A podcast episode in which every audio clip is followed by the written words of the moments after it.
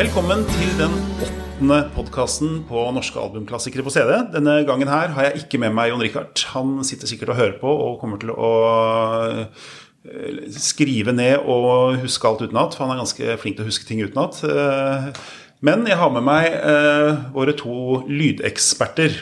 Og det er da Lars Årdal, som mastrer eller i hvert fall hva heter det, tilrettelegger lyden for at Gjert skal sette det i system så det skal sendes til CD. Er det det det, det heter? Ja, det er riktig, det. Altså, jeg eh, føler at det er Gjert som har eh, siste ordet. Så Gjert mastrer det du gjør, eller er det sånn at Gjert eh, Nei, for du bare setter det sammen. Kvalitetssikrer det jeg gjør. Ja, jeg master vel til slutt, da, men ikke sant? det kommer litt an på. Men det er jo Han overfører det fra vinyl og gjør en del ting. Og så setter jeg det sammen til en CD etterpå. Og da er det jo en vurdering av hele sluttproduktet. Som du, som du sier, jeg har det siste ordet, eh, kan du si da.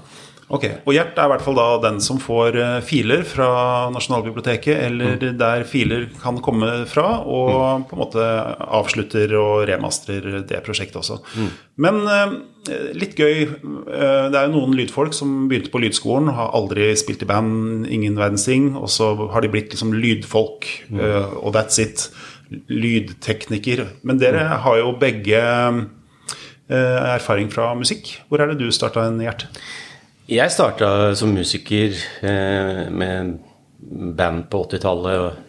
Ja, for du er vel et av de største norske eh, suksessene ved siden av a-ha, er det ikke det? Eller i hvert fall sånn i salg og utland og Ja, nei, det vil jeg ikke påstå, men Jeg hyper dette her opp. Ja, jeg hyper. Ja, nei, men vi hadde litt sånn, sånn halvveis suksess på Hjemmi på 80-tallet og litt på begynnelsen av 90-tallet med et par band. Hvilket band var det? Eh, Det var Small Affairs, også et band som het Yellow Pages. Hvor vi var liksom nummer én på Radio Topp 20, husker jeg, foran a-ha og Tina Turner og sånn. En låt som het Perfect Situation. Eh, så jeg, jeg begynte liksom eh, som låtskriver og musiker og sanger.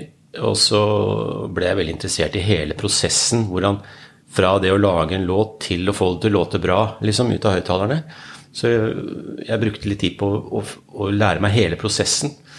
Og så bygde jeg opp Begynte med en sånn Tasca med fire spor, og så ble det åtte spor, og så plutselig ble det 16 spor, og så plutselig var hele leiligheten min full av utstyr. Ja, For du har et studio, innspillingsstudio og masteringsstudio, alt i din egen leilighet. Ja, og jeg begynte med det allerede i 87. Eh, forrige århundre, altså.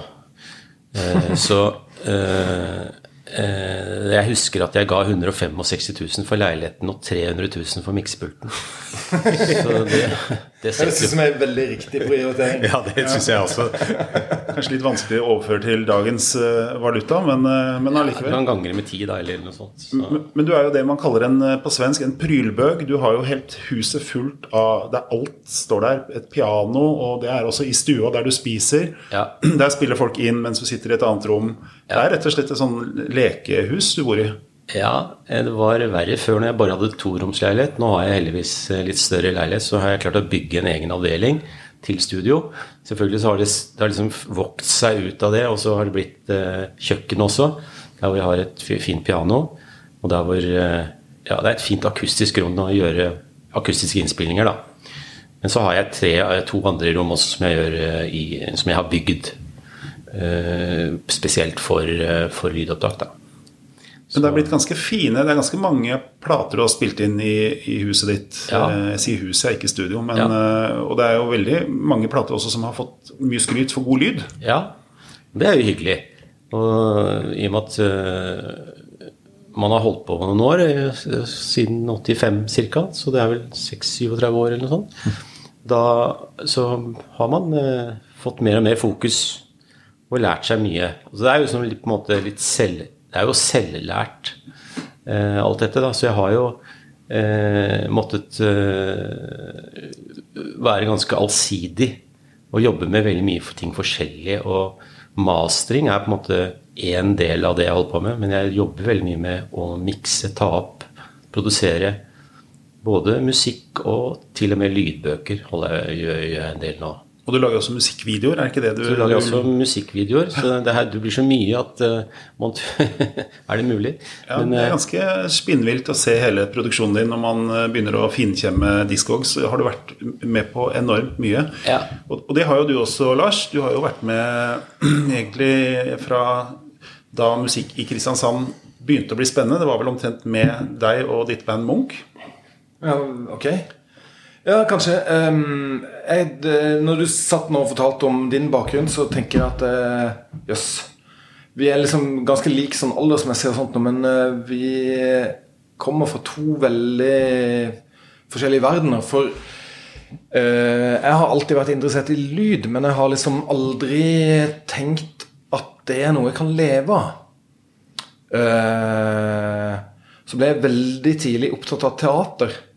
Og så der er det jo masse gøy lyd. Så jeg begynte veldig tidlig å jobbe med lyddesign for teater. Og så var jeg så heldig å treffe en som heter Jo Strømgren, og så har jeg holdt på med han i 25 år eller noe sånt nå og lagd Gud vet hvor mange forestillinger. Um, og jeg har jo bare lagd Munch, da. Ja, For det er det eneste bandet du har gitt ut plate med? Nei, nei, det er noen flere utgivelser. Men um, og jeg, Det greier liksom ikke å være konvers. Det er helt umulig for meg. Samme hvor mye jeg prøver, så er det helt umulig. For jeg bare har noe inni meg som bare ramler ut. Og så, hvis noen liker det, så er det fint. Men Grunnen til at vi starta Munch, var jo fordi vi ville ha ei skive med oss sjøl i platesamlinga. Det var eneste grunnen til at Munch eksisterte. eksister, eksisterte. Men så balla jo det også på seg. Men um, Grunnen til at jeg holder på med det jeg holder på med nå, er jo fordi at vi skal eh, tenke på å gi ut Munch på nytt. Og mastertapene er selvfølgelig borte, og da måtte det tas fra vinyl. Og siden jeg har jobba med eh, Jo Strømgren så lenge, så kommer han med masse rar eh, østeuropeisk, russisk musikk som han elsker, som låter helt horribelt. Og så må jeg restaurere det. da, Så det var sånn det hele begynte. Og så tenkte jeg da kan jeg jo restaurere den vinylen. Og det har jeg brukt um, Er det seks år på å komme fram til hvordan eh, det kan gjøres på en uh, måte som uh, låter ok. Uh, så det er derfor jeg sitter her. Ja, for det var litt sånn tilfeldig måten vi ble kjent på. Jeg, øh, du er en god venn av Arvid Skanke Knutsen, mm -hmm. som skriver liner notes og er med i måte, gruppa som er med å plukke ut musikk fra oss. Og Arvid øh, er jo en veldig velmenende fin fyr som mm sendte meg en mail og sa hei, vi burde ta en prat med Lars Årdal. Og så tenkte jeg det var akkurat sånn en uke før vi skulle begynne med prosjektet vårt. Jeg hadde liksom en milliard ting å gjøre. Og så hadde Lars da, nei, Arvid et ønske om at eh, jeg skulle høre hva du gjorde sånn rent lydmessig. Og når det kommer til sånn det rent lydmessige, så må jeg innrømme at der stoler jeg på fagfolk. Jeg, jeg, hører hva som er god og dårlig lyd, men det er ikke alltid jeg greier å sette fingeren på hva det er for noe. Så når vi skulle da, da hadde jeg også uh, gjort en avtale med Gjert, at han skulle fikse lyd for oss. Så, så, det siste jeg trengte, var å bruke en halv dag av livet mitt på møte en person jeg ikke visste hvem var, for å høre på en lyd som jeg ikke helt visste hva jeg skulle gjøre med. Så jeg ble litt sånn Ja, jo, det kan vi godt. Og, så prøvde jeg å dytte litt på det, og så hadde vi vel egentlig sånn halvveis avtale at vi skulle møtes. Og så gikk det litt tid til, og så var du liksom begynt å sende meg, ja, sendte meg en montasje, var det ikke det? Jeg, jeg skjønte at nå må jeg bare insistere her. Ja, ja. Ja, for det var i hvert fall, Du var veldig sånn eh, tenkte jeg, Jøss, yes, var veldig pågående. Men det passer litt dårlig inn i planene mine. Ehm, for jeg, jeg, da hadde jeg faktisk Jeg tror aldri hatt så mye å gjøre som den uka før vi starta. Men så sendte du meg en montasje eh, hvor jeg hørte noen lyder og tenkte jøss, yes, så friskt har jeg ikke jeg hørt montasje før. Og så øh, endte vi vel opp på at øh, du skulle gjøre en test det, Hvilken plate var den første du gjorde? Det var vel kanskje Muslus. Muslus ja. ja, for den øh, var dere så misfornøyd med. Ja, det, ja. og det var ikke pga. at Gjert gjorde en dårlig jobb, men det var fordi vi snakka med Nasjonalbiblioteket, og de måtte jo da Rekkefølgen her er jo at vi spør Nasjonalbiblioteket har dere en masterteip. Hvis de har en mastertype, så er vi redda. For da er det stort sett så bra at uh, da vet vi at Gjert klarer å gjøre underverker. Men på Muselus hadde de ikke mastertypen, de hadde kun en vinyl. Og det var en uspilt vinyl, for dette her er jo liksom alt som ligger på Nasjonalbiblioteket, er jo i ganske perfekt stand. Men problemet, som da Nasjonalbiblioteket sa, var at de aldri hørt så dårlig lyd i en plate før. Og det kan jo ha vært tilfeldig, men eh, vi har også hørt litt andre LP-er. Jeg fikk jo tak i tre-fire LP-er med Muslus for å finne en som vi liksom tenkte er det noe som er bedre enn noe annet? Men de var generelt ganske dårlig lyd. Og det fins ikke master. Og alle de eneste LP-ene som fins der ute på markedet, har dårlig lyd. Så den eh, ble liksom ikke optimal. Jeg syns Gjert gjorde en fin jobb, men det var liksom ok, sikkert det beste man kan gjøre ut fra et dårlig utgangspunkt. Og så eh, ville du ta en test eh, på den. Mm, og da, da, skjedde det et eller annet. Jeg vet ikke hva du har av programmer, men, men den uh, syns jeg plutselig låt helt sjukt friskt. og den har du fått enormt mye skryt av også ja, på siden vår. Det er jo ikke et menneske som ikke har liksom kommentert det var senest i stad en som sa at det var som at den musikken kom i ansiktet mitt. eller sånt. Mm, mm. For det var rett og slett eh, er, Jeg vet ikke hva du gjorde for noe med den. Men kanskje du kan forklare litt om den prosessen? Hvorfor fikk du så mye ut av noe som Nasjonalbiblioteket ikke klarte å få ut av? Ja, det uh, Altså, jeg bruker en helt vanlig 12-10 Technics som DJ-spiller. Uh, og så har jeg en Hana pickup, som er en, et japansk merke. De lager pickuper for masse andre. Og så var det vel to-tre år siden så sa sjefen for Hana hva om vi begynner å lage vår egen pickup? Da har de lagd pickuper for andre i 50 år. Og så Jo, det var en god idé, så det gjorde de. Og da var jeg så heldig at jeg snappa opp et X av en sånn pickup Eh, idet de starta, fikk han veldig billig. Og så har jeg et Rega Aria Ria-trinn, som det heter. Og så går det inn i en Focusrite. Eh, og så blir det digitalisert. Og så spiller jeg dette her inn i 192 kHz. Og nå er jeg ferdig med det, for nå skal jeg over på noe som heter merging. Anubis. Så nå skal jeg opp på 384 kHz sampling. Det setter jo sine krav til datamaskinen. Men eh, ja, nå begynner jeg egentlig en form for en Kanskje ikke en diskusjon, men eh, ja, men jeg tror at jo høyere oppløsning eh, man har på lyden, jo, jo bedre er det. Det er en nevrolog som har skrevet en del om det han kaller for mikrotiming i musikken. Som eh, i CD-formatet blir borte. Eh, som selvfølgelig er der på analog lyd, men som jo høyere oppløsning vi får, jo eh, mer detaljer kan en gå inn og jobbe med. Og eh, jeg tror kanskje grunnen til at Mus Lus låter såpass bra, er fordi at jeg kan jobbe så detaljert med lyden. Eh, Men da jobber du også med den lyden som på en måte ikke er hørbar for det menneskelige øret? Ja. Og hva skal du oppnå ved det, Lars Årdal? oi, oi, oi. Eh, Neil Young har jo i mange år stått på barrikadene og skreket og hylt om eh, høyoppløselig lyd eller analog lyd. Um, Tor Halmerast, som er Han var sjefsakustiker i Statsbygg og professor i akustikk på universitetet. Han holder på med et forskningsprosjekt på blinde og klikkelyder. For blinde, når de kommer inn i et rom, så lager de en klikkelyd, og da kan de med en gang si hvor døra er og vinduer og sånt fordi at de flatene er hardere enn veggen. Eh, og da snakker vi om eh, fintuning av øret. Men eh, det er så poda inn i våre gener fra vi var jegere, mener noen, at spesielt eh, lyder eh, en kvist som brekker ute i skogen, det er liksom eh, der, er vår hørsel på sitt aller fineste. Så det vil si sånn 800 til 2 kHz eller noe sånt nå.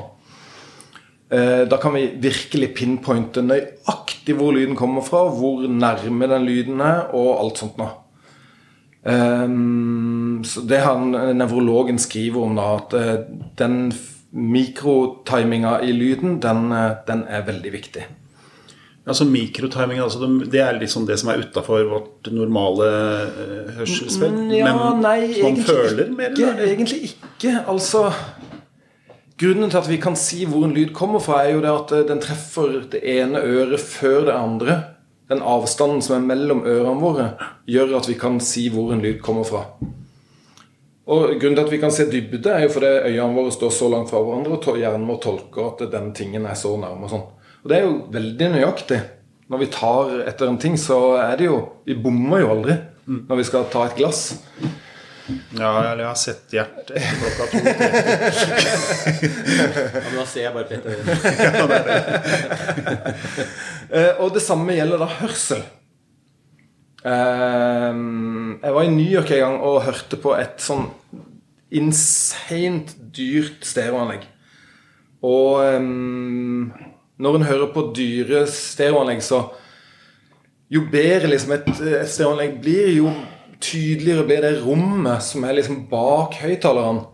Så kan du liksom lukke øynene kan du si der står bassisten, og der står trompetisten. og og sånt. Men på det anlegget jeg hørte i New York, så var jeg plutselig inne i det rommet. Det har jeg aldri vært før eller siden. Men det kosta sikkert fem millioner, det stereoanlegget. Og gid jeg hadde råd til det. Det er sånn, Gjert, Hvis du bare kjøper litt mindre leilighet nå, så kan du kjøpe det anlegget, faktisk.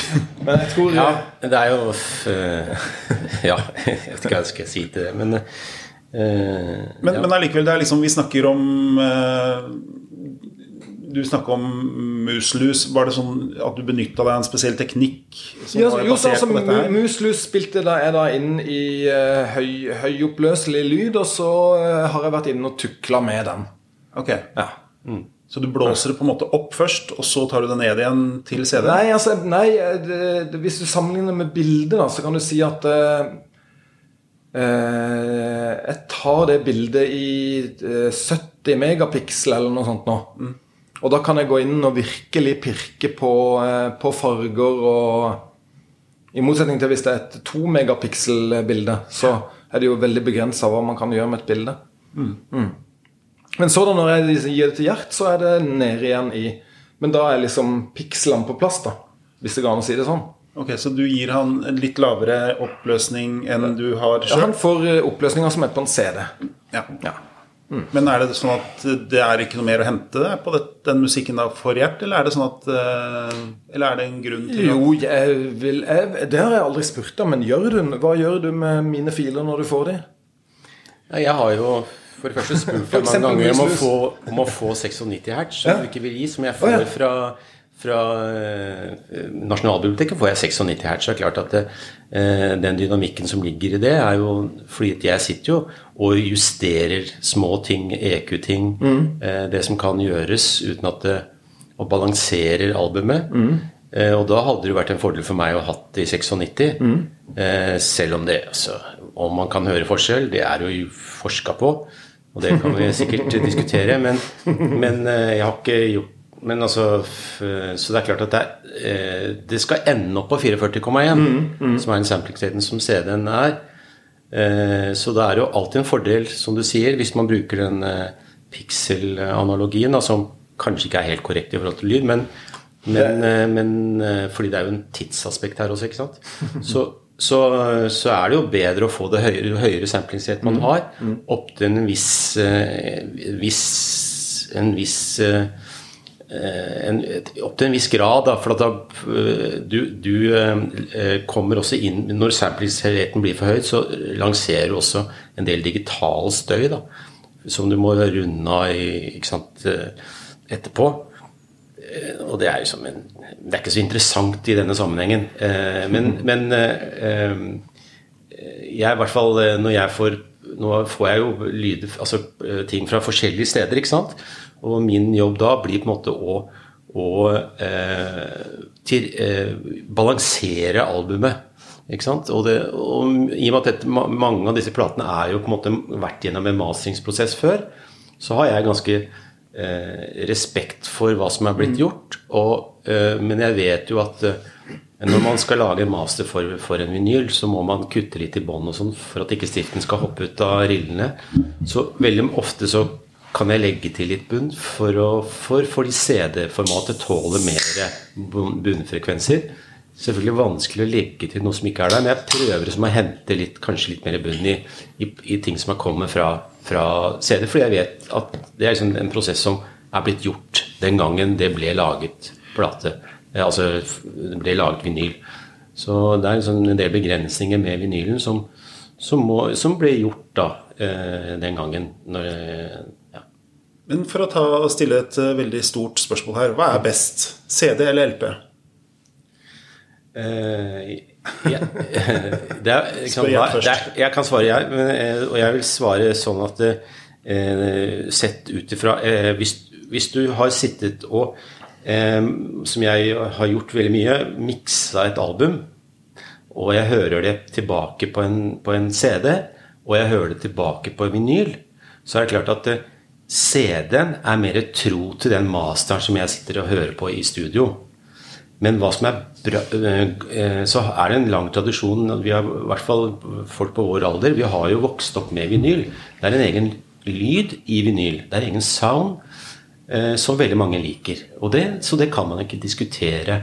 Men det er ikke noen tvil om at CD-formatet ligner mer på den masteren som har vært i studio, enn det en vinyl gjør. Den, den tilfører veldig mange feilkilder eh, som du kan like eller ikke. Og det er mange som liker det. Er det sånn mellom linjene her så leser jeg at du foretrekker CD-lyd? Ja, det vil jeg si. Hvis, Hva, hva med deg, Lars? Nei, uten tvil vinyl. Det syns jeg er så gøy, for her sitter dere dødspeiling på lyd, begge ja, to. men det er det jeg sier. Altså, hva, man er, Ja. hva som er best, det, det er hva man liker, liksom. Og, og særlig i dag hvor, hvor all, all musikk er digitalt innspilt i utgangspunktet. Og det å påstå at det blir bedre når man eh, tar det på, CD, på vinyl etterpå, det blir liksom rart for meg. Men eh, jeg, det, er liksom ikke så lett å diskutere det, fordi det blir veldig følelsesbasert. Man kan liksom, jeg kan legge tall på bordet som, som, som, eh, som jo feier eh, en, en, en altså, støy, signal støyforhold og en rekke sånne ting som er mye bedre på en CD. Så Men, men jeg har, jeg har en, eh, en jeg kjente i gamle dager som drev en eh, hifi-butikk. Eh, Han har vel et anlegg til et par millioner kroner eller sånt. Sikkert noe av det som du hadde og hørte på i New York. Han kjøper CD-er, og så tar han og remasterer sin egen CD. Kaster originalen og putter den remastra CD-en inn i det originale coveret.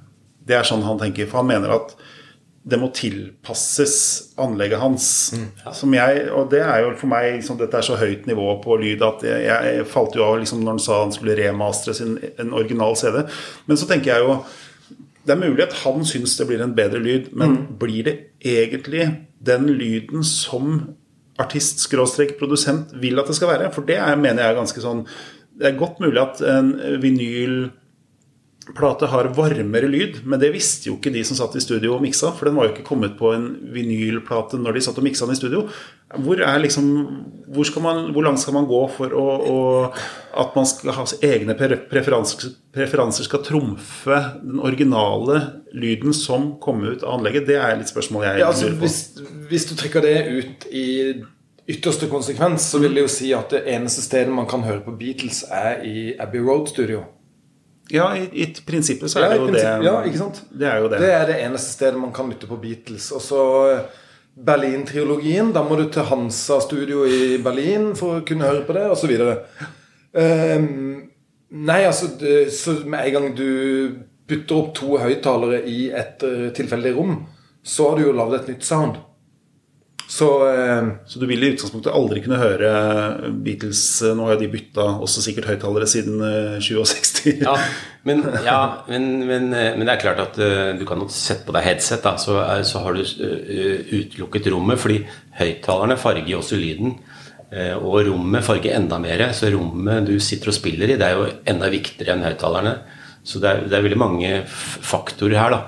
Men, eh, men eh, man kan liksom høre eh, eh, det som, det som jeg syns blir gjort veldig ofte feil med masteringer, det er jo at, at folk eh, skal tilføre sin egen lyd uten å ha konferert med han som har miksa eller produsert det. Det har jeg veldig respekt for. jeg, det er jo en dødssynd. på en måte, ja, men det er jo veldig mange som gjør. Og, man, man, og særlig er det veldig mange som komprimerer ting for å få det veldig høyt. Det var jo sånn loudness war for, for en del år siden.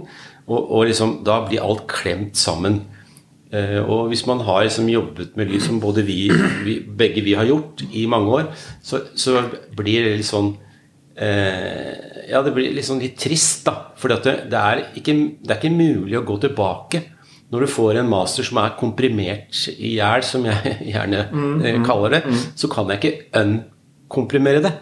Derfor så, så, så, ber jeg ofte om å liksom, Kan jeg få en hvor du liksom ikke har det pluginet inne på masteren, liksom? Fordi det låter liksom så klemt sammen. Det er ikke noe dynamikk i musikken lenger. Så øh, øh, Ja, øh, som jeg sa i stad eller før vi begynte, at det er to liksom, veier å gå. En er jo hvis du har artisten og produsenten i studio, og du skal mase plata, så kan du liksom spørre hva, hva, hva er du ute etter, hva vil du at skal bli bedre? Så kan man være kreativ og gjøre ting og tilføre ting. Men det er bare to spor vi snakker om.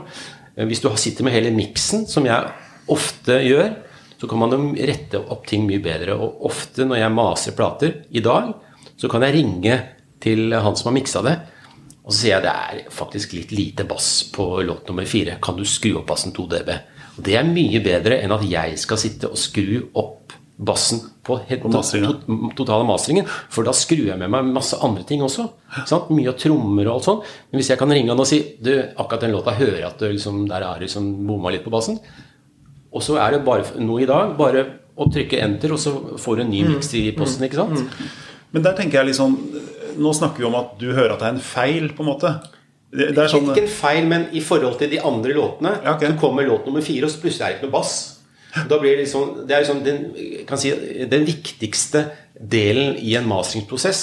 Det er jo for at folk skal slippe å eh, reise seg fra stolen når de hører et, eh, en, en, plate. Hvis den ene plata låter kjempehøyt, og neste låt låter ingenting, så må man bort og skru og ned, opp og ned. Det er en sånn ubehagelig greie. Mm. Slik at uh, en del av masingsprosessen er å, å, jevne ut disse forskjellene. Slik, at ikke, slik, at det skal funke på mindre anlegg, på telefonen. Det er, liksom, det er mange sånne ting hvor man skal tilrettelegge det. Det, så at man, det er ofte at man gjør, lager mindre dynamikk i musikken som det egentlig, enn det egentlig er, men ikke for mye. Og det er litt sånn eh, liksom, det, er, det, er, alt sånn det er med alt liksom, at man ikke overdriver, da. Og det, det gjør, gjør, jo veldig mange. Man overdriver og man klemmer det sammen fordi at det, da låter det høyt. Men så, sånn som det prosjektet altså, vi holder på med nå, jo, der mener jeg det er strengt ulovlig å tukle med noe som helst, egentlig. Mm. Jeg, er enig, jeg, er enig, i det. For at, uh, vi får jo tilsendt plater hvor, hvor, vi egentlig ikke har noen mulighet til å kontakte mm. folk. De kan jo være døve, til og med. så, så uh, da er det veldig vanskelig for oss å vite. Og da syns jeg at, at, uh, at, man må være tro mot det produsenten og musikerne har ønsket, og det er det vi hører. Derfor så prøver jeg å gjøre Altså, jeg har sånn Slagordet mitt er 'If it ain't broken, don't fix it'. Mm. Uh, uh, så jeg hører på det. Syns jeg det låter fint? Ja, det låter ok. Mm. Det er sånn de vil ha det. Ok, da uh, Hvis det er sånn Ok, jeg hører at her er det veldig lite bånd gjennom hele, så kanskje jeg legger litt Kanskje jeg legger litt bånd på for at det skal litt, bli litt mer fyldig. Men det er sånn jeg er veldig forsiktig med å, å tukle med å Og det er liksom eh, mange som maser, og da er liksom, skal de være så kreative. De har kjøpt seg noen bokser som de har betalt veldig mye penger for. Da skal lyden gjennom den boksen, for den kosta 800 000. Da skal all lyden gjennom der. Da tenker jeg liksom Ja, men da er på en måte Hvorfor skal den det? Altså If it ain't broken, don't fix it. Men det er vel litt sånn at uh, en master mastring, eller en som mastrer som har veldig mye personlighet og farge, mm. er kanskje ikke den beste masteren. Jeg kan skjønne det i miksen. Ja. ja, eller hva tenker du? Altså, jo, du har jo noen sånne berømte mastere. Som, eh, som Altså Hva Hva heter han som gjorde Michael Jackson og sånt nå? Svedin? Nei, det var han. Nei, Men, ja, ja, jeg, hva var det han het? Men som satte sitt tydelige varemerke på alt han gjorde. Og det ville jo folk ha. Mm. Så selvfølgelig Men da er det på en måte en kombinasjon av at Quincy Jones og han jobber sammen, da? Eller tror du det, ja, det, det tror jeg, det, ja. Ja, jeg tror det er en kommunikasjon der. I hvert fall sånn opplever jeg at uh, når jeg får mikse fra andre, og det går an å gjøre noe med det, og jeg kan komme tilbake og si uh, Har du hørt på den låten hvor der låter, liksom, det er litt høy gitar og litt sånne mm. ting, mm. uh, og det er litt hard vokallyd der, kan du gjøre noe med det? spør jeg. Og så ja, takk for at du minne meg på det. For det, det, er en stor prosess som mikse et helt album. Og da kan man miste litt oversikten. Og at du får Det er jo så en del av det det som eh, handler om masing, er at du får en, en, en, kontrollsjekk av noen andre ører da, i siste instans før det blir eh, slått. Og, det, og hvis det er noen som er erfarne med dette, så kan de gjøre tilbakemeldinger. Eller sånn som vi gjør. da, at eh, ja, kanskje du Har du tenkt på at det låter litt sånn her? Er det noe du syns du skal gjøre noe med? Og, så, og det er en veldig fin eh, prosess, syns jeg. Og så er det den prosessen vi er i nå, hvor, hvor vi ikke får snakket med de vi har eh, elska masere for. Og da er jo både Lars og jeg enige om at vi gjør så lite som mulig. Eh, no, men det er klart, noen plater er veldig, eh, det er veldig lav, altså veldig svak lyd. Mm. Da skrur jeg selvfølgelig opp. Jeg, jeg, skrur opp lyden, men der jeg skrur jeg bare opp volumet. Jeg gjør ikke noe med, med noe EQ eller noe sånt. Jeg bare får det opp på et nivå som, som det låter ok når folk putter på en CD og plutselig neste CD-en låter liksom 20 dB svakere, mm. så vil jo folk reagere. Mm. Derfor så må jeg trekke opp det sånn at vi har et eh, relativt samme nivå på alle CD-ene. slik at du ikke du må, når du putter inn, og Det er veldig mange som tror at høy lyd er bra lyd.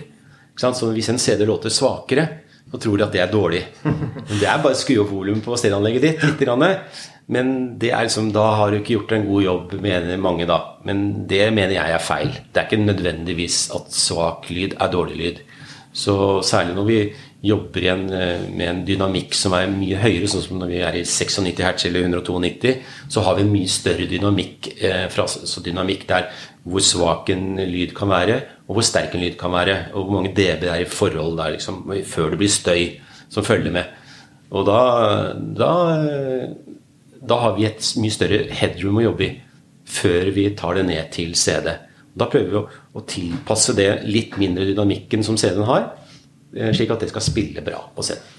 FE tok og rippa bare for egen bruk, altså. Men bare fordi jeg syns det er så gøy. Um, uh, uh, Islands med um, King, King Crimson. Mm. Og der er det 55 desibel forskjell på peaken og det laveste punktet i musikken. Ja. Det er så mye. Mm. Men var, eh, når ja. du da spiller det på sånn moderat nivå, så du hører liksom greit det som er på det lave, da blir det så høyt når det er høyt at det, Ja, og, det, og særlig eh, Jeg pleier liksom å si at det vil at det skal låte ok i bilen også. Mm. Eh, da må du enten skru ned vokalen hvis den er for høy. For da, hvis du, kom, hvis du har veldig høy vokal i miksen, så vil Eh, når du hører på det i bilen, så vil du ikke høre kompet, liksom. Eh, fordi at det blir borte i dekkstøyen. Og hvis det er for stor dynamikk i musikken nå, så blir den svake låta Den hører du ikke. Du mm. hører den, den sterke. ikke sant? Mm. Så det er også en del av masingprosessen å tilpasse de mediene som du skal spille seg på. Hva er det du tar som utgangspunkt skal spille seg på når du gjør norske albumklassikere? Hjemmeanlegg? Ja, egentlig hjemmeanlegg, men også, jeg tenker også på det med bil. At uh, hvis det er en låt som er veldig svak nå skal jo ikke en, Hvis det kommer en ballade etter en opptempolåt, så kan ikke den være høyere enn opptempolåta. Det blir jo, høres veldig rart ut. Mm. Men jeg vil kanskje Hvis er, den balladen er veldig, veldig mye svakere, så, så, tenker jeg dette kommer ikke til å funke i bil, f.eks. Så da, da hever jeg den lite grann. Men da hever du hele låta? Ja, hele låta. Ja, ja, ja absolutt. Mm. Ikke noe, men, noe men, hvordan reagerer man på det på hjemmeanlegget? Blir det feil da? Nei, det tror jeg ikke. Men, eh, det tror jeg ikke. Liksom, men, men et, hvis du har et veldig godt stereoanlegg, så tåler man den dynamikken. Og særlig de som sitter med veldig gode anlegg hjemme, de, og de har kanskje egne rom også hvor de spiller, da tåler man jo masse dynamikk. Mm. Mm. Men eh, dynamikk eh, når det gjelder instrumenter og også sang, eller hva som helst, så kan så, så eh, endres det tonale eh, i lyden eh, med, eh, slik at man to, hjernen tolker ting høyere hvis du spiller veldig hardt. Eller, så, så, hører du at det, instrumentet forandrer seg. Eh, og da trenger ikke lyden bli så mye sterkere. Du vil allikevel oppleve det høyere fordi du vet at når man spiller hardt på et instrument, så er det mye høyere. Man kan jukse litt på det i en, i en Ikke for mye, men litt. At ting som er veldig lavt, det kan oppleves lavt selv om det ikke er så svakt. Hvis du skjønner hva jeg mener? Eh, så man kan dra opp det som er svakt, og man kan trykke ned det som er litt høyt. Å, og allikevel vil man oppleve en stor dynamikk fordi instrumentet, stemmen, alt eh, forandrer seg. Når jeg skriker, så er det veldig mye trøkk. Men det er jo ikke mulig å ta opp dette her Og hvis jeg skriker noe veldig sterkt i samme mikrofon med samme innstilling på Det klarer vi ikke å gjøre. Det Kan er, man ikke skrike litt lavt? ja, ikke sant? Ja, og det er liksom, imponert over skuespillere som kan hviske. ja. Det er helt fantastisk. De står liksom på hovedscenen på Nationaltheatret uten noe mikk eller noen Ja. ting. Og hvisker, og Ja, alle hører det. Ja, og da Det er hvisker de veldig sterkt. ikke sant? Men det, for alle folk opplever det eh, svakt mm. og veldig intimt, fordi man forbinder det med, med, med at det er svakt. ikke sant? Man, får, man kan få veldig oppmerksomhet med å snakke veldig lavt. Hører dere hva jeg sier nå? Ja, det er sånn hersketeknikk. Det, Ja, det er jo at du begynner å Nå må vi snakke være stille, Christer. Men jeg tenker på, dere hører jo på enormt mye forskjellig musikk. Nå har vi jo ikke engang sklidd ut i de mest eh, corny eh, kategoriene. Vi har jo liksom lyst til å gjøre samtidsmusikk, og vi har lyst til å gjøre black metal. eh. Jeg tenker på hvor mye har eh, preferansene dine å si for når du skal mastre en plate? Jeg, vet at du liker en del jazz, f.eks. Gjert. Og det er jo lettere for deg, vil jeg tro, å skru lyd på jazz enn f.eks. Black, black metal. Er det sånn at du må høre deg opp på andre black metal-ting hvis du skulle eh, liksom få en oversikt over hvordan det skal låte? Eller hvordan, hvordan løser du sånt? Ja, eh, det er klart at eh, når du master, så, så jeg, Hvis jeg ikke har så god greie på den musikkstilen, så gjør jeg enda mindre. Ja, sånn. Da går jeg ikke inn og, og tror at jeg, dette kan jeg, liksom. Eh, Da, da, da stoler jeg mer på de som har, har skrudd det og gjort det. liksom At det er sånn det skal være. For det er umulig for meg å sette meg inn i alle mulige Høre liksom 48 eh, album eh, hver gang jeg skal mastre en plate. I hvert fall med dette prosjektet vi har nå. Som det er ganske For eksempel black metal. eh, Altså, det vet jeg ingenting om. Nei. Eh, Det der er helt blank. ja. Hvis du altså, hadde fått en black metal-plate du skulle rippe, hva hadde du gjort da? Da hadde jeg rippa den, og så hadde jeg ikke gjort noen ting. Nei. nei, ikke sant. Det er liksom litt sånn samme. At man, eh, sant? Man, man, eh, man driver ikke og Nei, nå skal dere høre Ja. black metal-folk. Sånn er det vi i, som jobber mest med jazz, eh, skrur. Liksom. Det, det går ikke. Men kan man da finne liksom en sånn standard ripp liksom, som bare Dette her er én til én, eller i hvert fall Ja, ja. i den grad det går. ja, Også- selvfølgelig. Absolutt. Ja. Ja. Men du også har vært innom en del forskjellige sjangere, Lars. Du har jo gjort liksom jazz, og du har gjort uh, Per Bergersen. var ganske, var veldig heldigvis en fin plate. Men, men du, det jeg også har reagert på, er at du vil helst kommer, Vi leiter, Jon Richard spesielt, leiter jo Norge rundt for å finne et perfekt eksemplar å gi til deg hvis det han er skal ikke så rippe. viktig. Nei, det sier du. Og det er jo Da Du sa i gang at jeg syntes det var gøy med dårlig kvalitet, men det, det, det er stor forskjell på ikke så viktig og at jeg syns det er gøy at det er Ja, okay. dårlig kvalitet. Men du mener at, ikke, at du kan gjøre den samme jobben selv om det knitrer ganske Du, du gjorde en sånn ripp av Var det la, um, Bok Jensen, Jens Bukk Jensen? Jeg er gammel Jens Bukk Jensen S- Sing syvtommer, Ja. som jeg fant uh, uh, Og den var i særdeles dårlig tilstand, så den uh, tok jeg. Og den Det er jo nesten litt sånn Det var trylling, nesten. Altså Det nesten litt ekkelt, for var det kona mi sa nå og hørte det, at det skal ikke være sånn. Sånn musikk skal det være litt sus og støy og dritt og lort på. Men eh, jeg syns jo det er helt nydelig, for altså de musikerne som komper uh, bukken og det der, altså, det er helt fantastisk. fantastisk bra. Men jeg tenker på når du ripper eh, eh, Eller skal på en måte fjerne støy. Det er jo det du gjør. Ja. Og du har jo funnet tydeligvis en måte å fjerne støy på som eh, i hvert fall ligger ganske langt over mye annet jeg har hørt av lydfjerning. Eh, Støyfjerning? er- Ja, støyfjerning. ja, ja. Nei, støy er altså lyd. Men er det ikke sånn da at når du fjerner knitring, så fjerner du også litt av eh, Det er liksom som å Du kan ikke liksom ta ut bare mandelen av en eh, kake av grøten. Det blir alltid litt grøt rundt som blir borte. Ja. Eh, Det var en veldig dårlig forklaring, men hvis du skjønner hva jeg mener? At Ja, altså du må jo det, fjerne noe, men Prøver å ikke gjøre det. Altså du greier å gå og skjære ut den lille mandels... Eller svulsten, eller hva man skal kalle det, i, Ja, i musikken. ja. Men er det ikke da sånn at jo mer svulster det er i, i, i lyden, jo mer må du skjære ut? Mm, jo, men eh, hvis jeg skjærer veldig nøyaktig, så, så er det bare det, akkurat det som blir borte. Ja, du klarer det, altså. Og derfor så mener du at det ikke er så stor forskjell om det er litt knitring eller litt mer knitring? Ja. Det tror jeg Hva tenker du om det, Gjert? Ja, jeg tenker at, eh, at eh, enhver støyreduksjon vil påvirke det originale materialet. Ja. Du kan ikke ta bort en knitter uten at du tar bort noe annet som ligger i samme frekvensområde. Og selv om du tar bare akkurat den lille biten, så vil det påvirke. Og det, så jeg har jo eh, masse fine plug-in som, som kan gjøre støyreduksjon, men det skal gjøres med nennsom hånd, også. Og jeg er egentlig ikke så redd for støy. Jeg syns det er bedre at det låter varmt og fint og naturlig, enn at det blir eh, helt støyfritt og litt digitalisert. Ja, det kan det jo ikke bli. Nei, Æsj. ikke Nei, det, det skal det jo det er, hvis man, hvis man, det er liksom litt sånn når jeg har fått nytt plugin, så skru på fullt, liksom. Det, er, det, blir, eh, det blir dårlig. Men så det er, det er jo Så man hele tiden da, når man driver med støyreduksjon, sånn, sammenligne til originalen. Og blir dette bedre? Ja, det er mindre støy, men det låter digitalisert, liksom. Da, er, da sier jeg drit i det. Vi tar, Mm. Ja, ja, ja, vi tar heller med støy. Ja, ja, ja, ja. Ikke sant? Så sånn er det. Så Akkurat nå holder jeg på med, med, med Public Enemies, og det er jo kjempegøy, for at jeg har fått kontakt med Arild Boman, som jo spiller på Public Enemies, som eh, eh, ringte meg eh, Du snakka så varmt om meg på eh, P2 eh, forrige helg, eller når det var. Ja.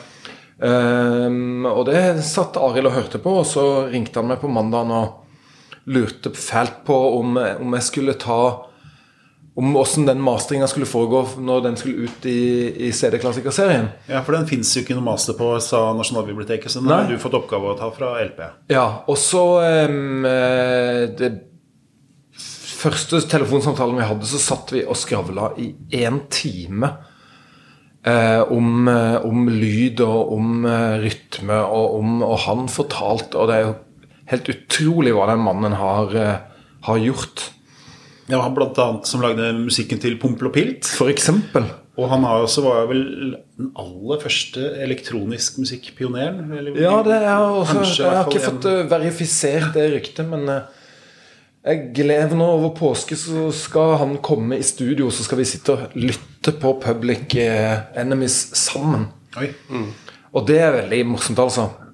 Og da er vi inne på den Det er jo nettopp det at når man har kontakt med den som er opphavsmannen, så kan man liksom være kreativ og gjøre ting. Eh, Og da kan man si Syns du det er bedre? Ja, det er mye bedre.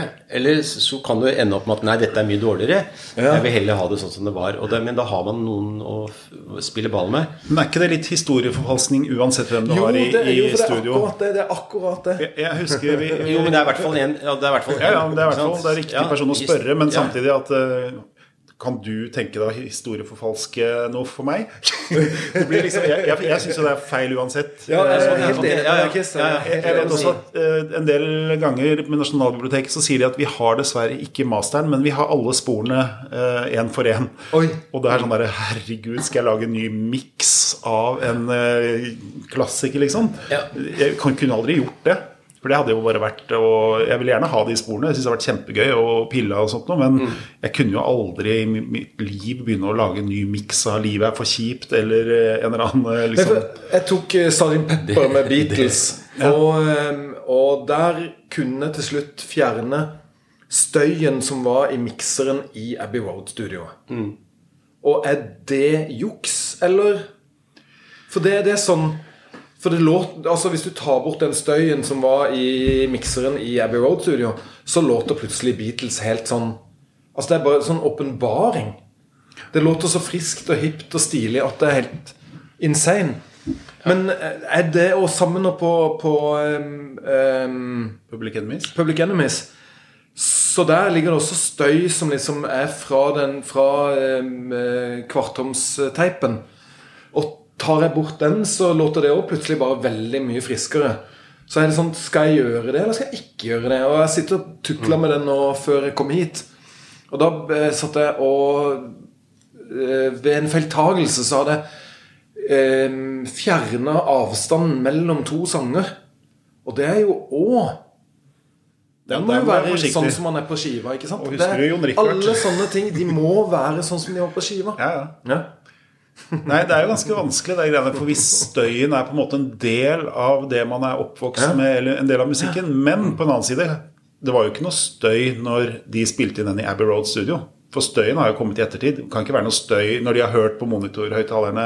Ja, hvis det var støy i mikseren, så ja, hvis det var støy i mikseren. Men, Men, jeg mener støyen i ettertid av det vi forbinder med Beatles og gode Ja. følelser, og det er jo knitringa og suset fra platespilleren, liksom. Ja, den må jo bort. Den Men, syns den- jeg vi fint kan ta den må, bort. jo, den må jo fint bort. Men, men er det liksom når, når, Det er ikke Kristi helt enig i det. Jo, men jeg er enig, men skal, hvem skal sitte og vurdere hva som er den Dette her er smiksestøyen, og dette her er suset fra ja, ja, det er jo min, det er min, eh, min oppgave, da. Ja, ja, det er jo det. Men man må Mus Mus tok jeg jo vekk støy som lå på mastertapen. Ja. Ja. Men det er sikkert noen Nå har vi fått veldig mye skryt av den, Ja. men det er sikkert noen som tenker Hva faen skjedde med støyen vår, som vi er så glad i?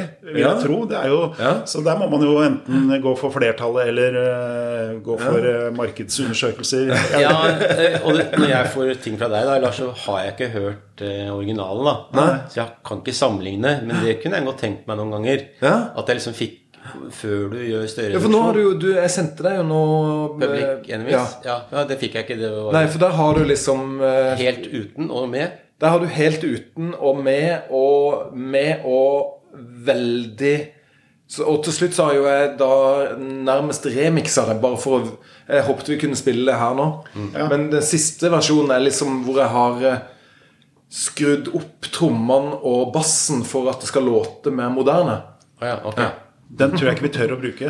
Det kjenner jeg på meg at det, selv om det hørtes tøft ut, Ja, det for meg er naturstridig Det er remixing. Det er remixing. Så det, er jo, ja, ja. Så det går an, men uh... Ja, vi gjorde, Jeg ga ut en Sirkus Modern-boks, og da var det jo uh, Ola Snortheim som uh, hata den siste skiva de ga ut, lyden på den. Han mente at det låt så umoderne og teit, og alt mulig. så han ville gi ut den på nytt. Og da greide vi rett og slett ikke å finne et kompromiss, annet enn at han skulle få lov å legge remix-versjonen av Pan etter den vanlige versjonen av Pan, som han ikke liker. Ja, ikke sant? Og da ble det altså to plater for én. Det var jo heldigvis bare en 40 minutter lang plate, som da ble 80 minutter lang. Fordi han skulle ha med sine Men da kjente jeg det er helt i grenseland hva jeg tør å gjøre av øh, å fucke med historien. For jeg er veldig historietro. Og jeg, Altså, jeg syns så lenge altså hvis, La oss nå si det er for gøy at Arild eh, Hvor man syns at den der eh, moderne miksen jeg har gjort, er kjempekul. Eh, så hadde det jo vært utrolig gøy å gitt ut begge deler. Og, men da må det bare være veldig, veldig, veldig tydelig at eh, dette remix. er en remix. da må det være et, en egen CD eller en Ja, Vi har liksom dogmeregler på det der, men da må Helt det må være en remix. Eller at man lager filer som Ja. folk får hvis de kjøper CD. Det kunne du faktisk gjort at du legger den ut i en begrensa periode på en server, bare sånn for at folk skal få lov å sammenligne. Det kunne vært sånn gøy eksperiment. vært da. gøy. Men ikke på platene. Da kjente jeg at eh, der, kom, der ble jeg streng. Ja, for det ordet moderne, det er jo veldig Det, det, det flytter seg jo hele tiden. Ja, ja. Ti Hva er det som er moderne, liksom? Så nå er det moderne med mye bass. Ja, ja. eller Ikke sant? Ja. Og så skal man helst ha sånn derre Altså vokoder og sånt. ja. Det kan du gjøre på, All på Public skal være i hvert fall gjennom autotune. Autotune heter det. Autotune. Det er fint. det er fint. Det er kanskje ikke så moderne lenger. Nei, men eh, vi har jo fått masse spørsmål fra folk som leser eh, på Facebook-sida vår. Eh, skal vi gå gjennom litt, så kan Ja. dere bare avbryte hverandre eller eh, hive Ja. dere på eh, Jeg stiller bare litt generelle spørsmål, og så kan dere se om dere har noe vettugt å si. Stig Ove Wold sier Jeg har kun erfaringer fra digitalisering av Shellac, så det skulle være artig å vite i hvilken grad valg av forskjellige typer stift er relevant for vinyl. Videre hadde det vært gøy å vite litt om stifttrykk, om senking av avspillingshastigheten har noe å si for den senere lydrestaureringen. Om man med avspilling eh, rett fra vinyl foretrekker å spille på våt eller tørr vinyl. Ja, jeg tenker det var nok nerding i denne omgang, sier han. Kjør løs. Ja. Ja, dette høres ut som noe Lars skal svare på. Ja. Um, vi um, har heldigvis uh, bare hatt uh, altså LP-er, som det heter. Er vel kanskje det rette ordet. I stereo. Så da bruker jeg samme pickupen uh, hele tida. Um, siden den uh, Er det ikke RIAA, hva er det nå det er forkortelse for, men det er en eller annen standard. Uh, så uh, Nei, jeg bruker samme stiften på alt, og vi har ennå ikke hatt noen monoskiver som skal ut. Da må jeg vel kjøpe meg en mono-pickup. Um, Men det er viktig Stiften er viktig i denne sammenheng. Stiften er kjempeviktig. Er du gal? Ja, ja, det er superviktig. du har fått tak i en veldig veldig bra stift, Mm, som er vesentlig, mm, har jeg skjønt. Eh, og har du en dårlig stift, så får du et dårlig resultat. Det er jo Mm. den som skal overføre disse svingningene som er tegna ned i plata. Så Det- altså når- stiften er viktig. Ja, det er kjempeviktig. Kjempeviktig. Og eh, jeg skulle ønske jeg hadde veldig mye mer penger, så jeg kunne kjøpe en enda mye bedre Alt. Hele kjeden kunne vært mye bedre. Jeg går og drømmer om en Technics SL1000R-spiller som eh, koster den nette sum av 209 000 kroner.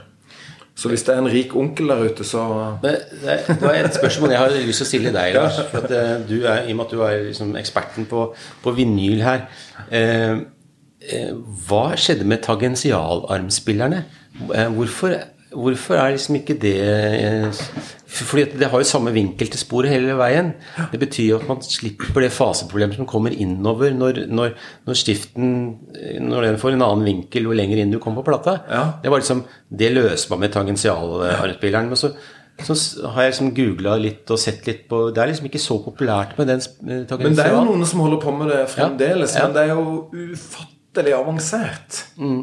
Når du skal få den til å følge og være i nøyaktig samme vinkel hele tida. Mm. Så jeg tror rett og slett det er bare fordi det blir for avansert. Men det fins jo sånne Ja, det de, de kaller det vinylrigger. Ja. Ja, som en må ha eh, minst eh, ingeniørutdannelse for å betjene. Mm, nettopp. Så det er, det, er en, det er en bedre måte å spille av plata på. Ja. Men den er så avansert at det er derfor den ikke For det, ble, det var jo eh, kommersielt ble jo solgt en del tangensial Ja, Bang Olufsen hadde jo en Ja. eh, Å, den var nydelig. Ja. Det var jo en tangensial han spiller. Ja. Det er altså for de som ikke vet hva tangensialarm er. Kan ikke du bare ta det, Det er en, kjapt? en, en, en arm som står med den samme vinkelen til, til uh, platerillene gjennom hele plata. For når du har en arm som vanlig arm, den vil jo forandre vinkel til plata. I rillene, tenker I rillene. Jo lenger inn den kommer, jo skeivere blir eh, stiften i forhold. Så da får du Så egentlig slutten av platene er de mest kritiske når du rykker Ja, du får, vil da få en eh, eh, Du vil jo få høyres kanal tidligere enn venstre, da, for at eh, stiften står litt på skrått. Og du vil da egentlig få en fasefeil. Og det, det var liksom poenget da med den tangentialarmen. At den skulle holde akkurat samme vinkelen, selv om du kom helt innerst på, på sporet. ikke sant? Så det, det var en forbedring av, av avspillingsutstyret, rett og slett. Så, Men jeg tror det rett og slett er bare fordi det er for dyrt og avansert. Ja, at, ikke eh, Ikke- Så det er ikke lagt dødt, så vidt jeg vet. nei, nei. Så hvis det kommer en sånn en og en rik onkel, så bytter du ut teknisk? Ja, ja, jeg bytter lett. eh. Vi får høre om det fins noen der ute. Rike Men, folk har jo eh, vanligvis ikke tid til å høre på halvannen time lange podkaster. Det er en grunn til at de blir rike, at de gjør ting. De ikke bare passive og, det sier du. du. Men når det kommer til det med våt eh, vinyl og sånt, og så, nei, det driver jeg heller ikke med. Er det noen, det har jeg aldri hørt, må jeg innrømme at jeg aldri har vært Jo, det er noen som, som mener at det blir bedre. eh. Jeg har, jeg har du- faktisk ikke prøvd det. Så jeg har liksom tenkt at nei, fysj og føy, jeg vil ikke ha vann i nærheten av det fine instrumentet som en pickup er. Nei, Nei. høres uh, sært ut. Jeg har ikke hørt om det. Men jeg har hørt, jeg har hørt og lest om det. Kanskje man skal gjøre en test? Kan vi spille plate under vann? Kan vi jo Men jeg sjekke? vasker jo eh, skivene Sånn som den Public Enemies-skiva jeg fikk av Arild, den var i Den var grå. Den var ikke svart. Og da har jeg en sånn maskin som eh, Som eh, vasker med ultralyd. Så da er det batterivann og 40 kHz i noen minutter. Mm. Mm. ja, ikke sant? Det er- Og det funker? Du merker forskjell? Ja, så den eh, skiva jeg fikk fra Arild, den hadde jeg ikke spilt på min platespiller uten. Oh, ja. Så Du, det er liksom platespilleren er eh, heldig Ja, at du, Ja, det- du er for skitten til å komme inn i huset masse vårt. Ja. stø- Det blir som ei sånn bikkje sånn bikkje som Ja. kommer fra Skautur. Den kommer ikke inn i huset Den uten å bli sover på verandaen. ok, Et nytt spørsmål her fra en av våre mest aktive medlemmer, Per Aksel Lundgren. Spørsmål til de to herrer. Dersom du skal remastere en gammel utgivelse, og du hører at her har det vært dårlig håndverk på originalen og enten for mye bass eller for mye diskant, velger du da å rette opp uten å si noe, eller høre med bandet utgiver om de vil rette opp, eller lar det forbli som det er for å være tro mot originalen? Det har vi vel egentlig svart litt på, men uh, Tro mot originalen. tro mot originalen. Ja, samme, samme søren og dårlig det låter. Ja, egentlig. Ja. Han sier også Lars kommer fra hardere og mer industrielle toneganger enn det Gjert gjør, og følger disse herrene at dette påvirker valget av lydbilde når man mastrer, remasterer? Eller er det opplest og vedtatt hva som er malen? sier. Du, altså, jeg, jeg er så myk i sjela mi at uh, ja, Christer, vi har jo en felles uh, Prince er jo Ja. Blir kongen. glad da, altså. Ja. Det liker vel du også, Gjert, håper jeg? Absolutt. Her er det tre. Prince-fans. Ja, ja, ja, ja. Ja, altså, jeg, liker, jeg liker god Hvis det er mykt eh, Det er kanskje ikke det mykeste jeg vet om, men altså det kan If I Was Your Girlfriend, det Ja. er ganske soft. Det er ganske soft. Ja. Når han synger i fasett, så er det hus, husen. Um, det er mange spørsmål her, men jeg, mange spørsmål er også liksom inne i det vi Og mye mange som lurer på dette her med um, hvem vi er tro mot, og hva vi er tro mot, og sånt. Og det er jo uh, fint. Vi har vel ikke egentlig laget et sånn manifest på dette her, så dette her har vi brukt basert på at dere har uh, fornuftige mennesker begge to og er veldig opptatt av lyd. Og dere er jo respektfulle mennesker mm. av natur, og ikke bare uh, med lyd, men også utenfor miksebordet. Ja, nei, jeg, jeg føler jeg, altså, Man kan ikke tukle med ting. Det, jeg syns jo den siste Abbey Road-skiva som Jeg vet ikke om du har hørt den? Nei, jeg har ikke hørt den. Nei. For der syns jeg Der er det jo sønnen til George Den love, Martin. den gule. Der ble han remiksa hele Ja, ja, og det liker ikke jeg. altså Der syns jeg han hadde tukla altfor mye med Ja. Men var ikke det litt av konseptet? At han skulle mikse om og jeg, gjøre skjønner, jeg skjønner liksom ikke pointet med det. Nei, jeg, nei, det er liksom å lage en ny miks er jo spennende og interessant. Men det er litt sånn som du sier da med Public Enemies, altså at du har nesten lagd en remix. Ja. Og jeg, jeg blir automatisk jævlig nysgjerrig for å høre Ja. den, men jeg har ikke lyst til at det skal erstatte den originale plata i samlinga. Nei, jeg mener det er to, det er to ting. Ja, det er to ting. Ja, Det er vel det han har gjort også, at han utgir det for at det er Altså, Ja. altså hvis man får sporene til, til, til Beatles separat, eh, så, det, så mye det går an Det er jo ikke mer enn eh, fire spor som oftest, da. Men eh, eh, så er det jo gøy å kunne settes, eh, gjøre noe med det. Som- Ja, ja, hvem hadde ikke likt hvem det? hadde ikke likt det? Ja, det fins jo også på nettet, faktisk, at man, ja. noen av det. Så du kan gjøre det sjøl. Er det ikke 70 år at eh, ting blir fristilt, og da kan man i utgangspunktet lage remix hvis man får tak i de Ja. Miksene sjøl? Og kan man gi ut remixer av Nei, det er ikke det. fordi at eh, selve innspillingen er jo ikke Den er eid. Ja, ja, sånn, den er fysisk eid av plateselskapet. Men det er opphavsretten som går ut etter 70 år. Ja, okay, du kan, Så du kan eh, Altså, de får ikke noe mer penger. eh, Du kan spille inn låta. eh, Og så, så går faktisk pengene til deg, Mm. som har laga den versjonen. Det er sånn, derfor er det lurt å spille inn eh, Beethovens 9. Men jeg tenker jo sånn som Lars har da med, med Public Enemies Hvis, hvis jeg kunne greie å skru den lyden eh, i gåseøyne så hipt at ungdommen liksom tenker Å, wow! Så kul Public Enemies er. Så er jo det veldig gøy. Eller hvis det, hvis det plutselig blir en DJ som setter på Public Enemies eh, på en eller annen klubb fordi det låter så fett, så er jo det morsomt. Er klart. A little bit conversation. Husker du den der Elvis-remixen med Junkie XL eller hva for noe? Ja, ja. Men da, blir det jo, da har du lagt til ting. Ja. Men du tenker at å, å gjøre det kun basert på det som allerede er der? Ja, ja. Okay, ja, det er jo litt, det er jo litt historieforfalskning, men det er ikke sånn kvalmt. Men jeg kunne aldri gitt ut uansett. Nei, nei, må ha, der går grensa. Ok, Vi har et skikkelig nerdespørsmål. Eh, hører gjerne en liten gjennomgang av hardware, programmer og plugins som brukes. Og enda bedre et lydeksempel fra vinyl før og etter prosessering. Det får vi ikke gjort. Men eh, det er Per Christian Frankplatz, også en eh, lydmann som har jobba i musikkpraksis i alle år. Og han lurer på hva bruker dere av stæsj?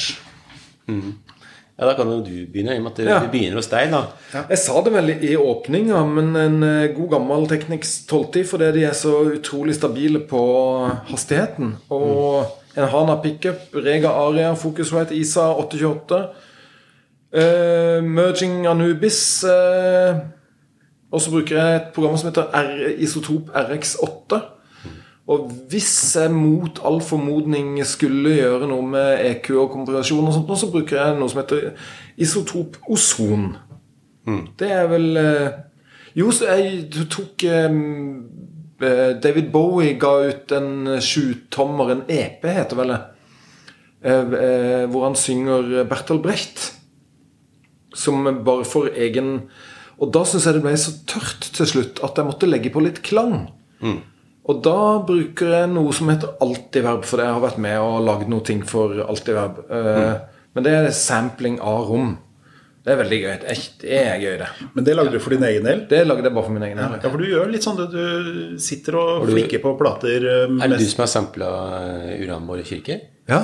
Det er det? Ja. Den bruker jeg Er ikke den fin? Er kjempefin. Jeg er ekstremt stolt av Vigelands mausolé, for ja. den blir brukt i sånn eh, Hollywood-filmer og sånt. Nå, nå følger jeg ikke med. Du har sampla Uranienborg kirke? Ja. Ok. Var Bare lyden av ingenting? Eller? Akustikken. Nei, akustikken, det Bruker du pistolskudd, eller hva? Nei, nei, altså Arjen, eh, Arjen van der Schoot, som han heter, eh, som fant opp dette her eh, Eller som har lagd Altiweb. Han fant ikke opp, men han har lagd Altiweb. Han eh, For de brukte startpistol Ja. i begynnelsen, men så skulle han ta eh, fødselskirka i Betlehem. Og kom der med startpistol, og det var bare sånn Det gikk ikke, så da måtte han finne på noe nytt. Så nå er det en sinusveip. Ja. Ja, Det er litt mer sivilisert enn Sinussveip? en sinusveip. Ja, det, det er, eh, begynner liksom Kanskje i løpet av ti sekunder så begynner den helt så langt ned i bassen det går an. Og så går det, bare en sinustone som stiger helt, helt, helt opp til toppen. 20 ja. Og det er litt sånn eh, altså For å forklare det, så er jo eh, Man setter mikker ut i rommet, og så har man, tar man også har man originallyden. Så når man sammenligner de to lydene med rom og uten rom, så lager man algoritme bare på det signalet som er blitt lagt til, da, originalsignalet. Og det er det som de lager en fil av, som du da etterpå kan legge på hvilken som helst lyd.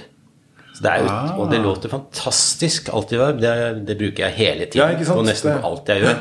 Fordi det låter så utrolig eh, analogt, da, for Mm. å si det sånn. Det er liksom varme, fine, svære rom. og du, du liksom, det er sampla alle de fine konsertstedene i hele verden. Ligger det et kjempearkiv. Vi får ikke lov å ta operaen. Nei, ok. Hvorfor ikke? Fordi at da stjeler vi liksom hva, hva, Er ikke det reklame? Det er en helt annen eh, Det er, så mange andre, det er så mange andre operasaler i verden som er hippere enn Ja. en enn norsk opera. Men, så eh, det gjør ingenting. Altså. Men hvis jeg skal fortelle litt hva jeg bruker av software, da, så er det Når jeg får det fra Lars, så bruker jeg et program som heter Wavelab. eh, Som er et eh, ganske utbredt masteringsprogram. Noen ganger så bruker jeg ProTools til å klippe filene opp i, fordi det kan jeg så godt. For det jobber jeg i når jeg mikser og tar opp ting. Også, Jeg bruker Logic, Ja. fordi det kan jeg så godt. ja, jeg har også brukt Logic før, men, eh, men eh, eh, Og så, så Hvis jeg skal bruke noe EQ-ting, så bruker jeg eh, tre-fire forskjellige fabrikater der. Eh, eh, hva heter det? Eh, jeg, bruker en del Waves-plugin. er en stor produ produ altså produsent. eh, L3, som er en sånn sluttmasterings... Som er en, som egentlig en sånn multilimiter. Som kan være fin å bare ha på slutten for å være sikker på at du ikke overstyrer eh, det digitale signalet. Da, da har jeg som regel på. Eh, ellers så bruker jeg minst mulig av, av ting. Det, men eh, det fins Jeg husker ikke hva den Det er en fabrikant som lager en EQ som er veldig fin, som jeg ikke husker nå, dessverre. Beklager. Altså. Jeg, men eh, det er så mange plugins i verden. Ja, det fins en plugin for alt. Ja, men det er liksom less is more, mm. syns jeg, da. Ja, for du kommer litt fra den less is more-verden. Ja. Munch føler jeg ikke er less is more, eller kanskje det er det? Oi, oi, oi. Altså, åssen i huleste heiteste jeg greier å lage den lyden uh, Hvor gammel var jeg? To Nei. 87. Da var jeg altså 22 år. På Altså, det var så ræva, det utstyret vi hadde. Uh, men uh, alle, alle, Hva var det han het for noe? Alessis midi-verb. Ja. Ja, det var liksom uh, klangen sin. da. Ja, ja. Det var jo det var populært det. Det funker ennå. Nei. Det funker ikke ennå. Men, eh, men eh, Nei, altså, jeg skjønner hvordan jeg greide å lage den lyden jeg lagde. Men det funka. Og eh, Nei, det, Less is more har alltid vært min kjepphest. Har dere noen sånne lydforbilder? Naturlig. liksom, jeg, jeg husker når jeg kjøpte plater i gamle dager, så hvis det var produsert av en person, så tenkte jeg jeg vet ikke hvordan musikken er, men herregud, det er produsert av Jeg hadde en sånn jazzrock-periode. Tommy Lee Puma. Så visste dette her kommer til å låte fint. Kedar Massenberg igjen. Liksom D'Angelo, alle disse nysoul-folka. Liksom, jeg hadde liksom sånne egne folk som jeg Står det Manfred Eicher på en måte produced by, så, så har du vel en følelse at eh, det låter greit. Ja, ja. Så sånne ting. Men er det noen sånne, er det noen sånne forbilder dere har innen lyd? Nei, ikke, ikke nå for tida. Før så hadde jeg det, men eh, før så var det liksom bare alt Trevor Horn tok i, måtte jeg ha kloa i. Akkurat det jeg skulle si òg. Det fellestrekket, ja. På 80-tallet, eh, 90, delvis på 90-tallet. Eh, Seal, eksempel. Når de skivene kom ut, da, da skjønte jeg ingenting. Da, dette, hvordan i all verden har han fått til det? Ja, ikke sant? Og også, jeg husker også Owner of the Owner Lonely Heart Med Yes. med yes når den kom ut. Altså, det var jo ingen som skjønte noen ting. Eh, og- Jump med Van Halen. ikke sant? Ja, de tingene der, det var liksom Hvordan er det fått til? Og så var det en periode hvor, hvor eh, du måtte ha altså det, Disse samplerne kosta en million dollar, liksom, Hvor vi hadde S900. Som var 8-bit. eh, Så vi klarte jo ikke å få til den lyden. Det var ikke mulig. Du må, måtte ha det utstyret. Vi hadde ikke, vi kunne ikke sample i stereo eksempel, i begynnelsen. Så det var, da var jeg sånn Fy faen, Trebortårn var tøft. Ja, det var eh, helt, eh, helt rått. Helt rått. Det det. Men det, det er jo utrolig gøy å høre Altså Dattera mi eh, hun er 13 år gammel, og hun eh, har eh, Hva er det hun sier? Hun har arva min gode musikksmak. Men hun eh, finner f.eks. Fra, fram Eller finner musikk jeg aldri hadde funnet. Japansk pop og eh, ting som hun, hun sender meg sp- spillelister innimellom med musikk som er bare kjempekul, og innimellom der så er det noen ting som låter bare sånn Wow, så stilig. Mm. Så vi lever i en spennende tid. Ja, det er Og nå har vi jo til og med fått lyd fra Mars. Tenk det. Ja. Har vi fått lyd fra Mars? Ja. Du har sampla Mars. Du skal bruke det på neste Inger Lise Is there Rypdal-plate. life on Mars? Ok, jeg tror faktisk vi skal begynne å tenke på å runde av, for det tar tid, og folk har sikkert et liv utover å sitte og høre på oss. Hvor mange minutter er det der nå? Én En time og syv minutter. En time og syv minutter? Ja, det var ikke så mye det, da. Eller syns det holder? Ja. Har du noe har du si. Nei, jeg tenker liksom eh, Nå har dere jobba med Siste ganske skiva mange til Boe er jo et uh, strålende eksempel på fantastisk produksjon. ja. Vanvittig bra. Ja, det er jo han uh, McLasklin, det ikke det? Han som spilte Ikke saksofon. minst fordi Altså, det, han har brukt veldig gode musikere. Da. Ja, ja, ja. ja. ja, det for det hjelper var det jo ja. Det var vel det Jan Erik Kongshaug en gang sa, at uh, du er så god på lyd. Nei, samme med de musikerne som låter alt bra uansett. Er det så viktig med musikere, liksom? Eller Er kan du en gal? Jeg, hadde, jeg hadde, gjorde livelyd på Arild Andersen og uh, ho, Kirsten Bråten Berg en gang. Og det var jo den letteste jobben i hele verden. Det Sangen? var bare liksom å ta opp uh, feideren til null og null, null, null, null overalt. Ja, fint. Det låt topp. Ja. Det er deilig å jobbe sånt, da. Eh, nå har dere jobba med veldig mange plater. Vi er vel oppe i en sånn 66-67, er det det vi er på nå? Eh, jeg vet ikke helt fordelinga. Du har vel hatt to tredjedeler omtrent, Gjert, og du en tredjedel, Lars. Men er det noen eh, eh, plater dere syns det har vært ekstra gøy å jobbe med? Det må jo være, Nå kan vi snakke litt sånn, ikke nødvendigvis bare lyd, men litt sånn personlig. Hva Er det, Oh, Alex. Ja, du fikk Åh, Ja. det var så kick å høre den.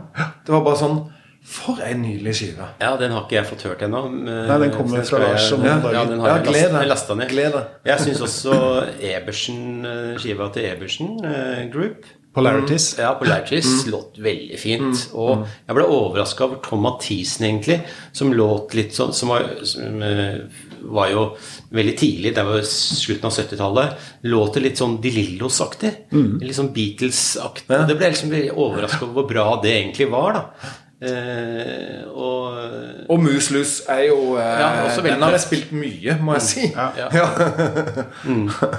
Ja, det er jo kanskje min eh, personlige favoritt til nå, er vel Og så Muselus. må jeg også si at jeg ble veldig overraska over den første dramaskiva. Ja, hvor bra det låt. Ok, den har de ikke jeg hørt. Nei, de unge gutta der Tenk deg, de var eh, 15 De og var 15-16 år, og det låter så kjempebra. Altså, Ok. det er, og de har spilt også. De har spilt alle Ja, ja, ja. Det er ikke liksom programmert, det kommer seinere med creation og sånn. Men dette er liksom manuelt spilt, som jeg pleier å si. Eh, og det låt fantastisk fint, det må jeg si. Til å være sånn, ja, fra 82 eller noe sånt. Så det er overraskende. Stilig. Ja, for du master av den med Per Kristian Ja, jeg hadde jo Per Kristian, jeg kjenner han fra Å, før. så gøy. Så det var veldig gøy. Ja. Eh, så han eh, så det, var, det sa jeg til han også. Jøss, jeg hadde ikke regna med at det låt så bra som det. Mm. Fordi det var, dere var jo så unge, og det var så tidlig. Men eh, det, å, det er utrolig lekkert eh, gjort. Altså. Koringer altså, Låtene Kjempefine låter. Mm. Veldig godt skrevet. Fine tekster. Fine altså, popmessig i popsjangeren, liksom. Veldig bra nivå, syns jeg. Noe jeg har hørt på en del i det siste, er The Tales of Mystery and Imagination by Edgar Allan Poe. Alan Parsons Project. Alan Parsons Project. Ja, Det er så bra at det er Ja, det er også sånn lydmessig ja, lydmessig helt uh, Han ikke vel på uh, Dark Side of the Dark Moon. Side of the Moon. Ja. Ja, ja. Da kan du jo også lyd. Det er for øvrig et sånn et, eh, Jeg vet ikke om det er mastringa, men det er et irriterende punkt i Dark Side of the Moon akkurat når den der ringinga begynner. Husker du det? Ja, ja.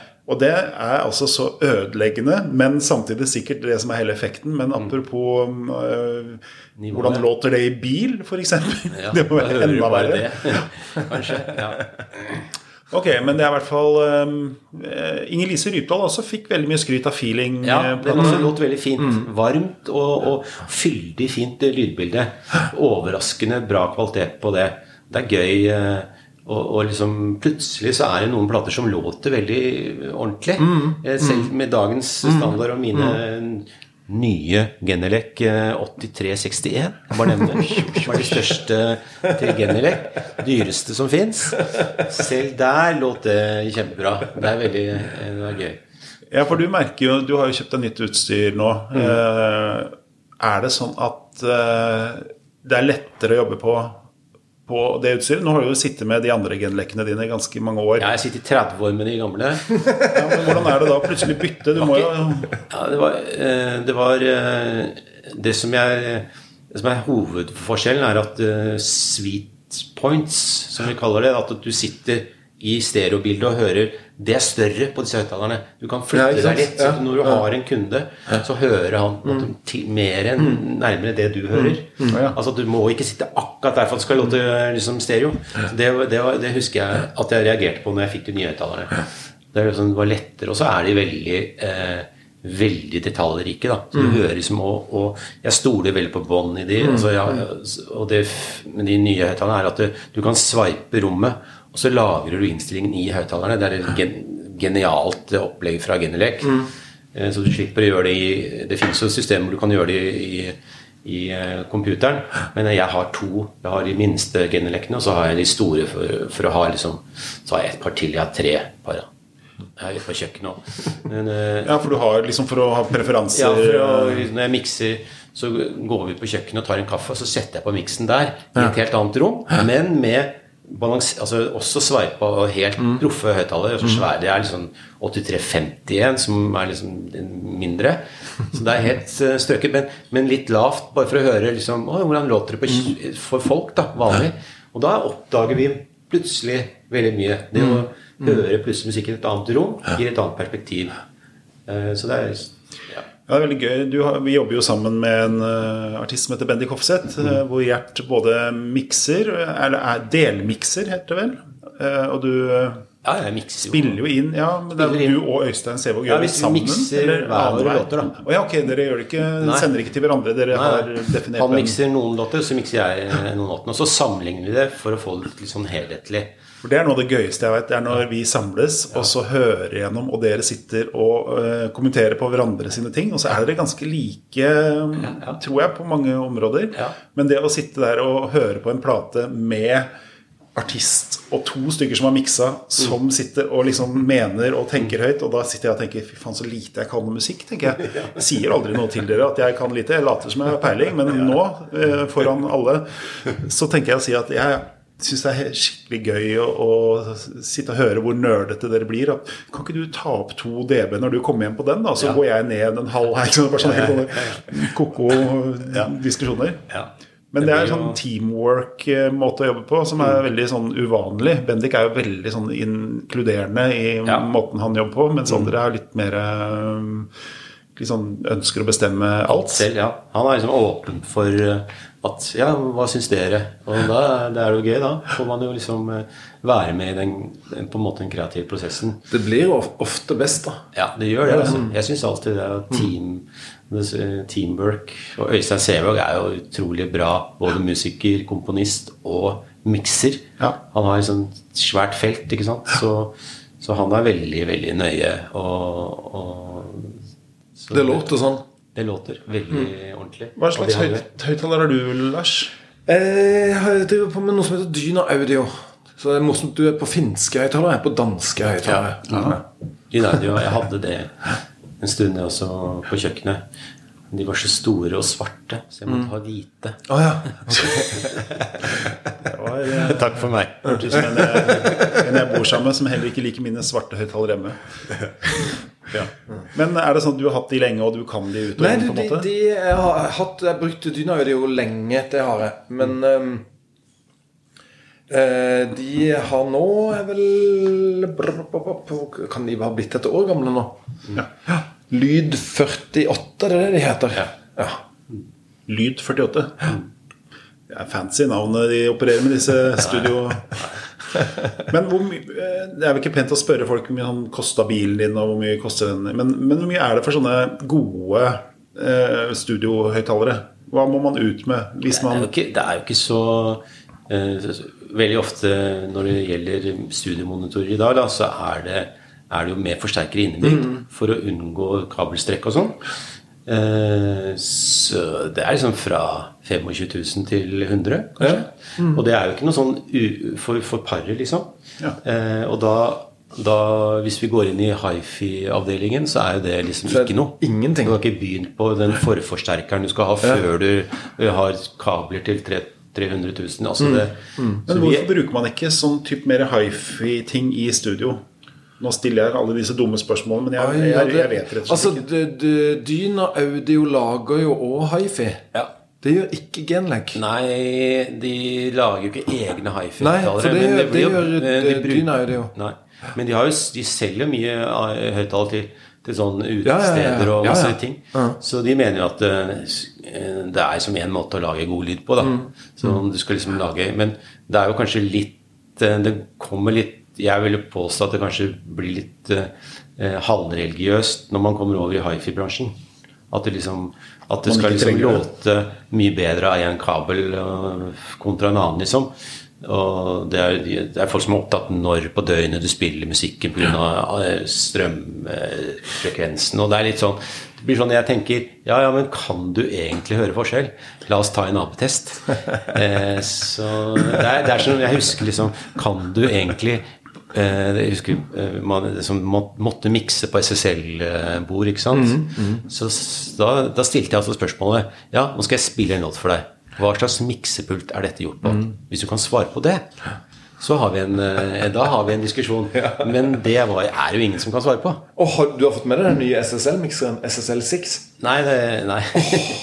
Er det Jeg er liksom ferdig med eh, Ja, det, det er en analog mikser? Ja, så De har endelig laget en uh, bitte liten mikser Okay. i superduper-duper kvalitet. Ja, For live, tenker du da? eller? Ja, altså Ja, eller til alle som måtte trenge en bitte liten mikser, okay. så uh, fins det en uh, Jeg har alltid savna en liten mikser i bra kvalitet, så jeg Ja. slipper å kjøpe ny uh, billig mikser annethvert år. Ja, ja, det skjønner. Det er noen ordentlig sånne nerdespørsmål her. Eh, Det er så nerdete at jeg veit ikke engang om vi har svart på det. Men jeg kan ta Geir Hongerød sier et spørsmål fra meg, kanskje mest til Lars, men muligens også til Gjert. På YouTube ligger det en del stereomikser av gamle låter som er innspilt på ett spor, og egentlig umulig å lage stereo av. Disse er laget av ganske proffe folk som bruker moderne lydredigeringsverktøy til å flytte instrumenter rundt i miksen, Og det høres faktisk ut som ekte stereo, bortsett fra at noen instrumenter plutselig kan hoppe over i motsatt kanal på de høyeste eller laveste tonene. De har for øvrig også remastret dem. Jeg eh, innbiller meg at det er mye av samme type programvare som brukes til å fjerne peiskos fra vinyl, men at det i likhet med stereomiksene da krever en betydelig porsjon skills for å gjøre dette ordentlig uten å ødelegge lydbildet totalt. Kan dette Ja, det er jo bare fase, faseforskyvinger på visse frekvenser, så høres det stereo ut. Men jeg skjønner ikke helt poenget med det. Nei. Det, blir, altså, det, det er liksom det der med å være tro mot originalen. Ja, vi har vel hatt én monoplate og ett monospor. Er det vel vi har til nå? Det er Vangboards-plata var i mono. Eller var den det? Eller var det sånn at vi Nei, ikke Vanguards. Altså, det var Ja, Himmel og helvete. Himmel og helvete. En låt var det Den derfra. første låta med Inger Lise Ja. Dybdahl, eh, den var i mono. Eh, så det var ikke Men var ikke Vanguards også Hvem er det så dere Var det det? Jeg kan ikke huske det. Jeg vet ikke. Mulig. Nei, kanskje den var Men jeg syns jo det at eh, når man begynner å lage stereo ut av monoting, så er det på en måte da er inne i den kreative delen av, eh, av Og det kan man godt gjøre, men da da er det på en måte litt sånn remix. Inne i en, annen, del av bransjen, på en måte. Så det er å gå for langt i forhold til konseptet her. Det syns jeg. Ja, ja, ja. Å gjøre mono av stereo. Ja. Ikke alle gå tilbake dit. Ja. Det er jo det. Alle hører jo på mobiler i mono, så det Ja, hva er det liksom Tenker dere at eh, det, hvordan folk hører musikk, er jo litt viktig her. Du snakka om hjemmeanlegg eller i bil, men det finnes jo De fleste som konsumerer musikk nå, hører vel kanskje på musikk på headset? På, ja, på headset så er det jo på en måte Da har jo stereo en veldig funksjon. Det er veldig mange som har mono-høyttalere hjemme. Bose har laga sånne Det er én kule, liksom, og så er, er det mono. Så da blir jeg lei meg, ikke sant? for jeg har sittet og miksa i 14 dager og planlagt hvordan ting skal ligge i høyre og venstre kanal. Eh, Så sitter de bare og spiller i mono, så ok, ja takk for det, liksom. Det var den jobben. Eh, Men det er jo sånn det blir. Eh, Og, og også, jeg mener jo at eh, veldig mye av dagens popmusikk er laget for å låte bra på, på mobiler. Ja. Det er, Bare selve mobilen, liksom? ja, ikke sant? bare spillere spiller av bare sånn liksom. Folk Det er jo ungdommer som ungdom som som ikke har noe forhold. Ja. Og dermed så har også eh, min analyse Det er jo at, at eh, moderne popmusikk i dag Den er veldig enkel i formen. Altså Det er veldig sånn eh, sterk, sterke riff. Det er veldig eh, lite instrumentering, men veldig sterk både sterke riff, sterk vokal og sterk rytme. Som er veldig sånn enkel. Og det, så, og det låter fint overalt. Det er liksom veldig sånn klart gung, gung, Altså enkle ting som er tøft. Og et veldig kule, så Det er veldig høy kvalitet, kvalitet på det som gjøres, men det er veldig enkelt instrumentert. da, for, Og det mener jeg er fordi de som produserer det, vet at det skal låte bra på, små høyttalere. På Mac-en din, på telefonen din. Og det gjør det fordi det er så enkel, eh, enkel struktur på musikken. Så er det lettere å få den til å låte bra overalt. Billie Eilish. Billie Eilish. Det er så bra Det produsert. er så kult. kult. Jeg hadde tenkt å nevne det i stad, faktisk. Og, eh, eh, det var et spørsmål i stad hvor, hvor er det vi hører, hører på musikk? Eh, eller hva foretrekker vi å spille av musikk på? Og jeg har jo eh, kjøpt meg Tidal nå fordi de har kommet ut med masterserien sin. Det låter altså Billie Eilish, eh, Billie Eilish ha, eh, den plata Fy faen, det låter altså så utrolig tøft. Ja, det det Eh, I forhold til Spotify, som låter helt ræva, må jeg bare si. Og jeg blir så skuffa hver gang jeg hører en av låtene jeg har miksa på Spotify til slutt. Ja, du hører det så Jeg hører det særlig når jeg hører i, ja, på En ting er på ditt eget anlegg, men Ja, hører du det også når du er ute og går liksom, og sitter i en radio? Ja, ikke sant? Der kan du laste ned. Ja. men, Jo, eh, men også har jeg, så har jeg et eh, nytt headset fra Bang Olufsen som, eh, som eh, favoriserer eh, Apple Music. ja, ok. Mm. Ok. Men hvorfor, hvorfor er det ikke noen som lager sånne type Før så kunne du ha sånn derre trykk her hvis du Sånn ferdig preproduserte ting. Jeg vil jo tippe at equalizing kan gjøre ganske mye av en masteringsjobb eh, enklere hvis du hadde liksom tenkt Nå trykker jeg på den i bil-knappen.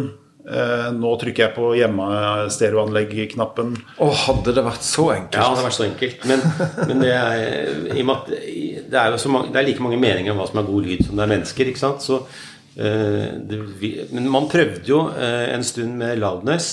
knappen. Ja, ja. Og det er jo, men det den gjør, er jo å presse fram bass og diskant. Som var, fordi det er liksom de områdene av, av hørselen vår som du var inne på i stad. Vi hører best rundt som 2K.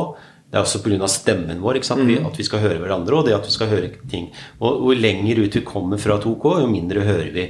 Derfor så når man, når man skrur ned musikken, så vil diskanten og bassen bli det som blir først borte. Så hører vi bare mellomtonen. Og da fant de på loudness, som da dessverre alle misforsto, for de har på loudness når de spiller høyt også. Og det er jo ikke poenget, for da får du ekstra mye diskant og bass. Men det, det er fordi at når du skrur lavt, så trykker du loudness, så, så presser diskanten og bassen frem, slik at du får et mer fullstendig lydbilde, pga. hørselen vår er da så øh, redusert når det blir lavt.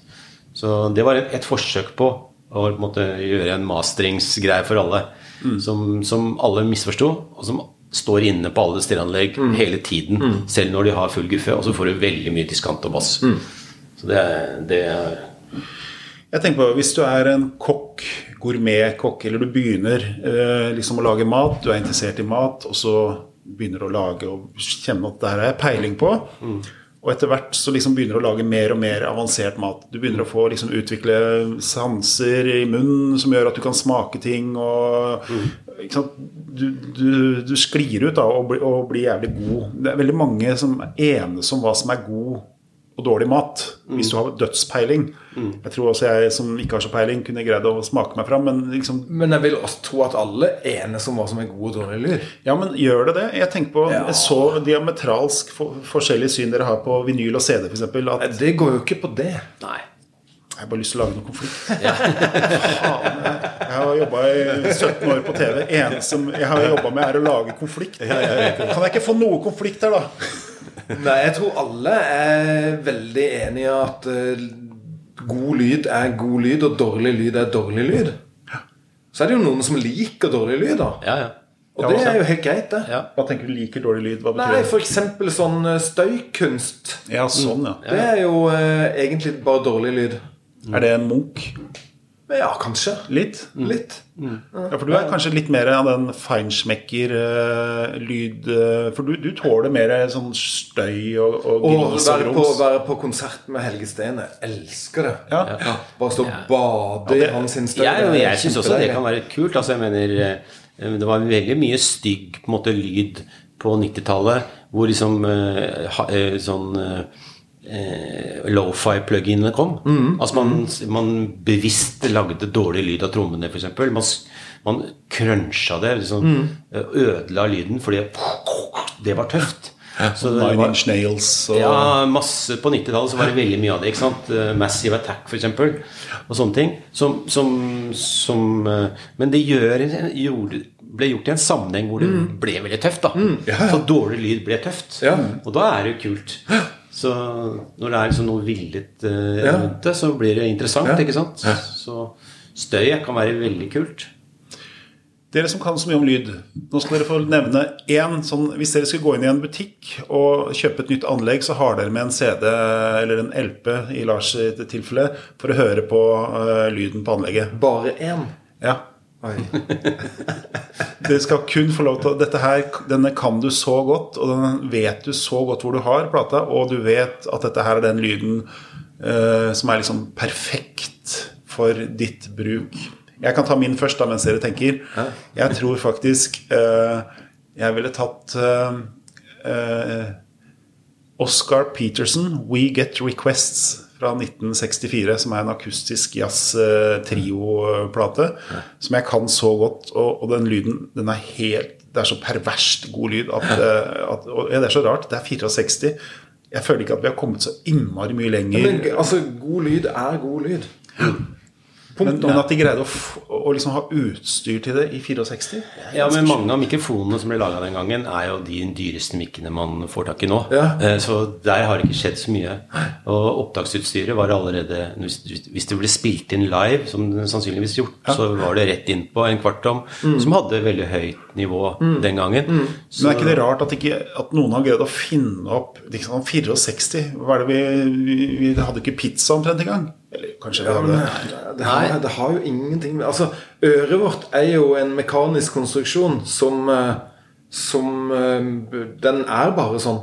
Og hvis du da lager eh, noe som kan fange opp lyd, som gjør det bra nok, om det ble gjort for 1000 år siden eller i går det, Ja, tror ikke det er, er det ikke bedre forutsetninger sånn 50 år etter å lage noe? Vi kan jo lande på Du kan jo sample lyden på Mars, som dere sier. Ja, det er mange, På mange områder så er det jo blitt mye bedre. Ja. Men på akkurat det å ta opp en eh, Altså bruke studio som, en, som et fotografiapparat, da, som det på en måte er, det er jo ikke Det kan man ikke gjøre så veldig mye med.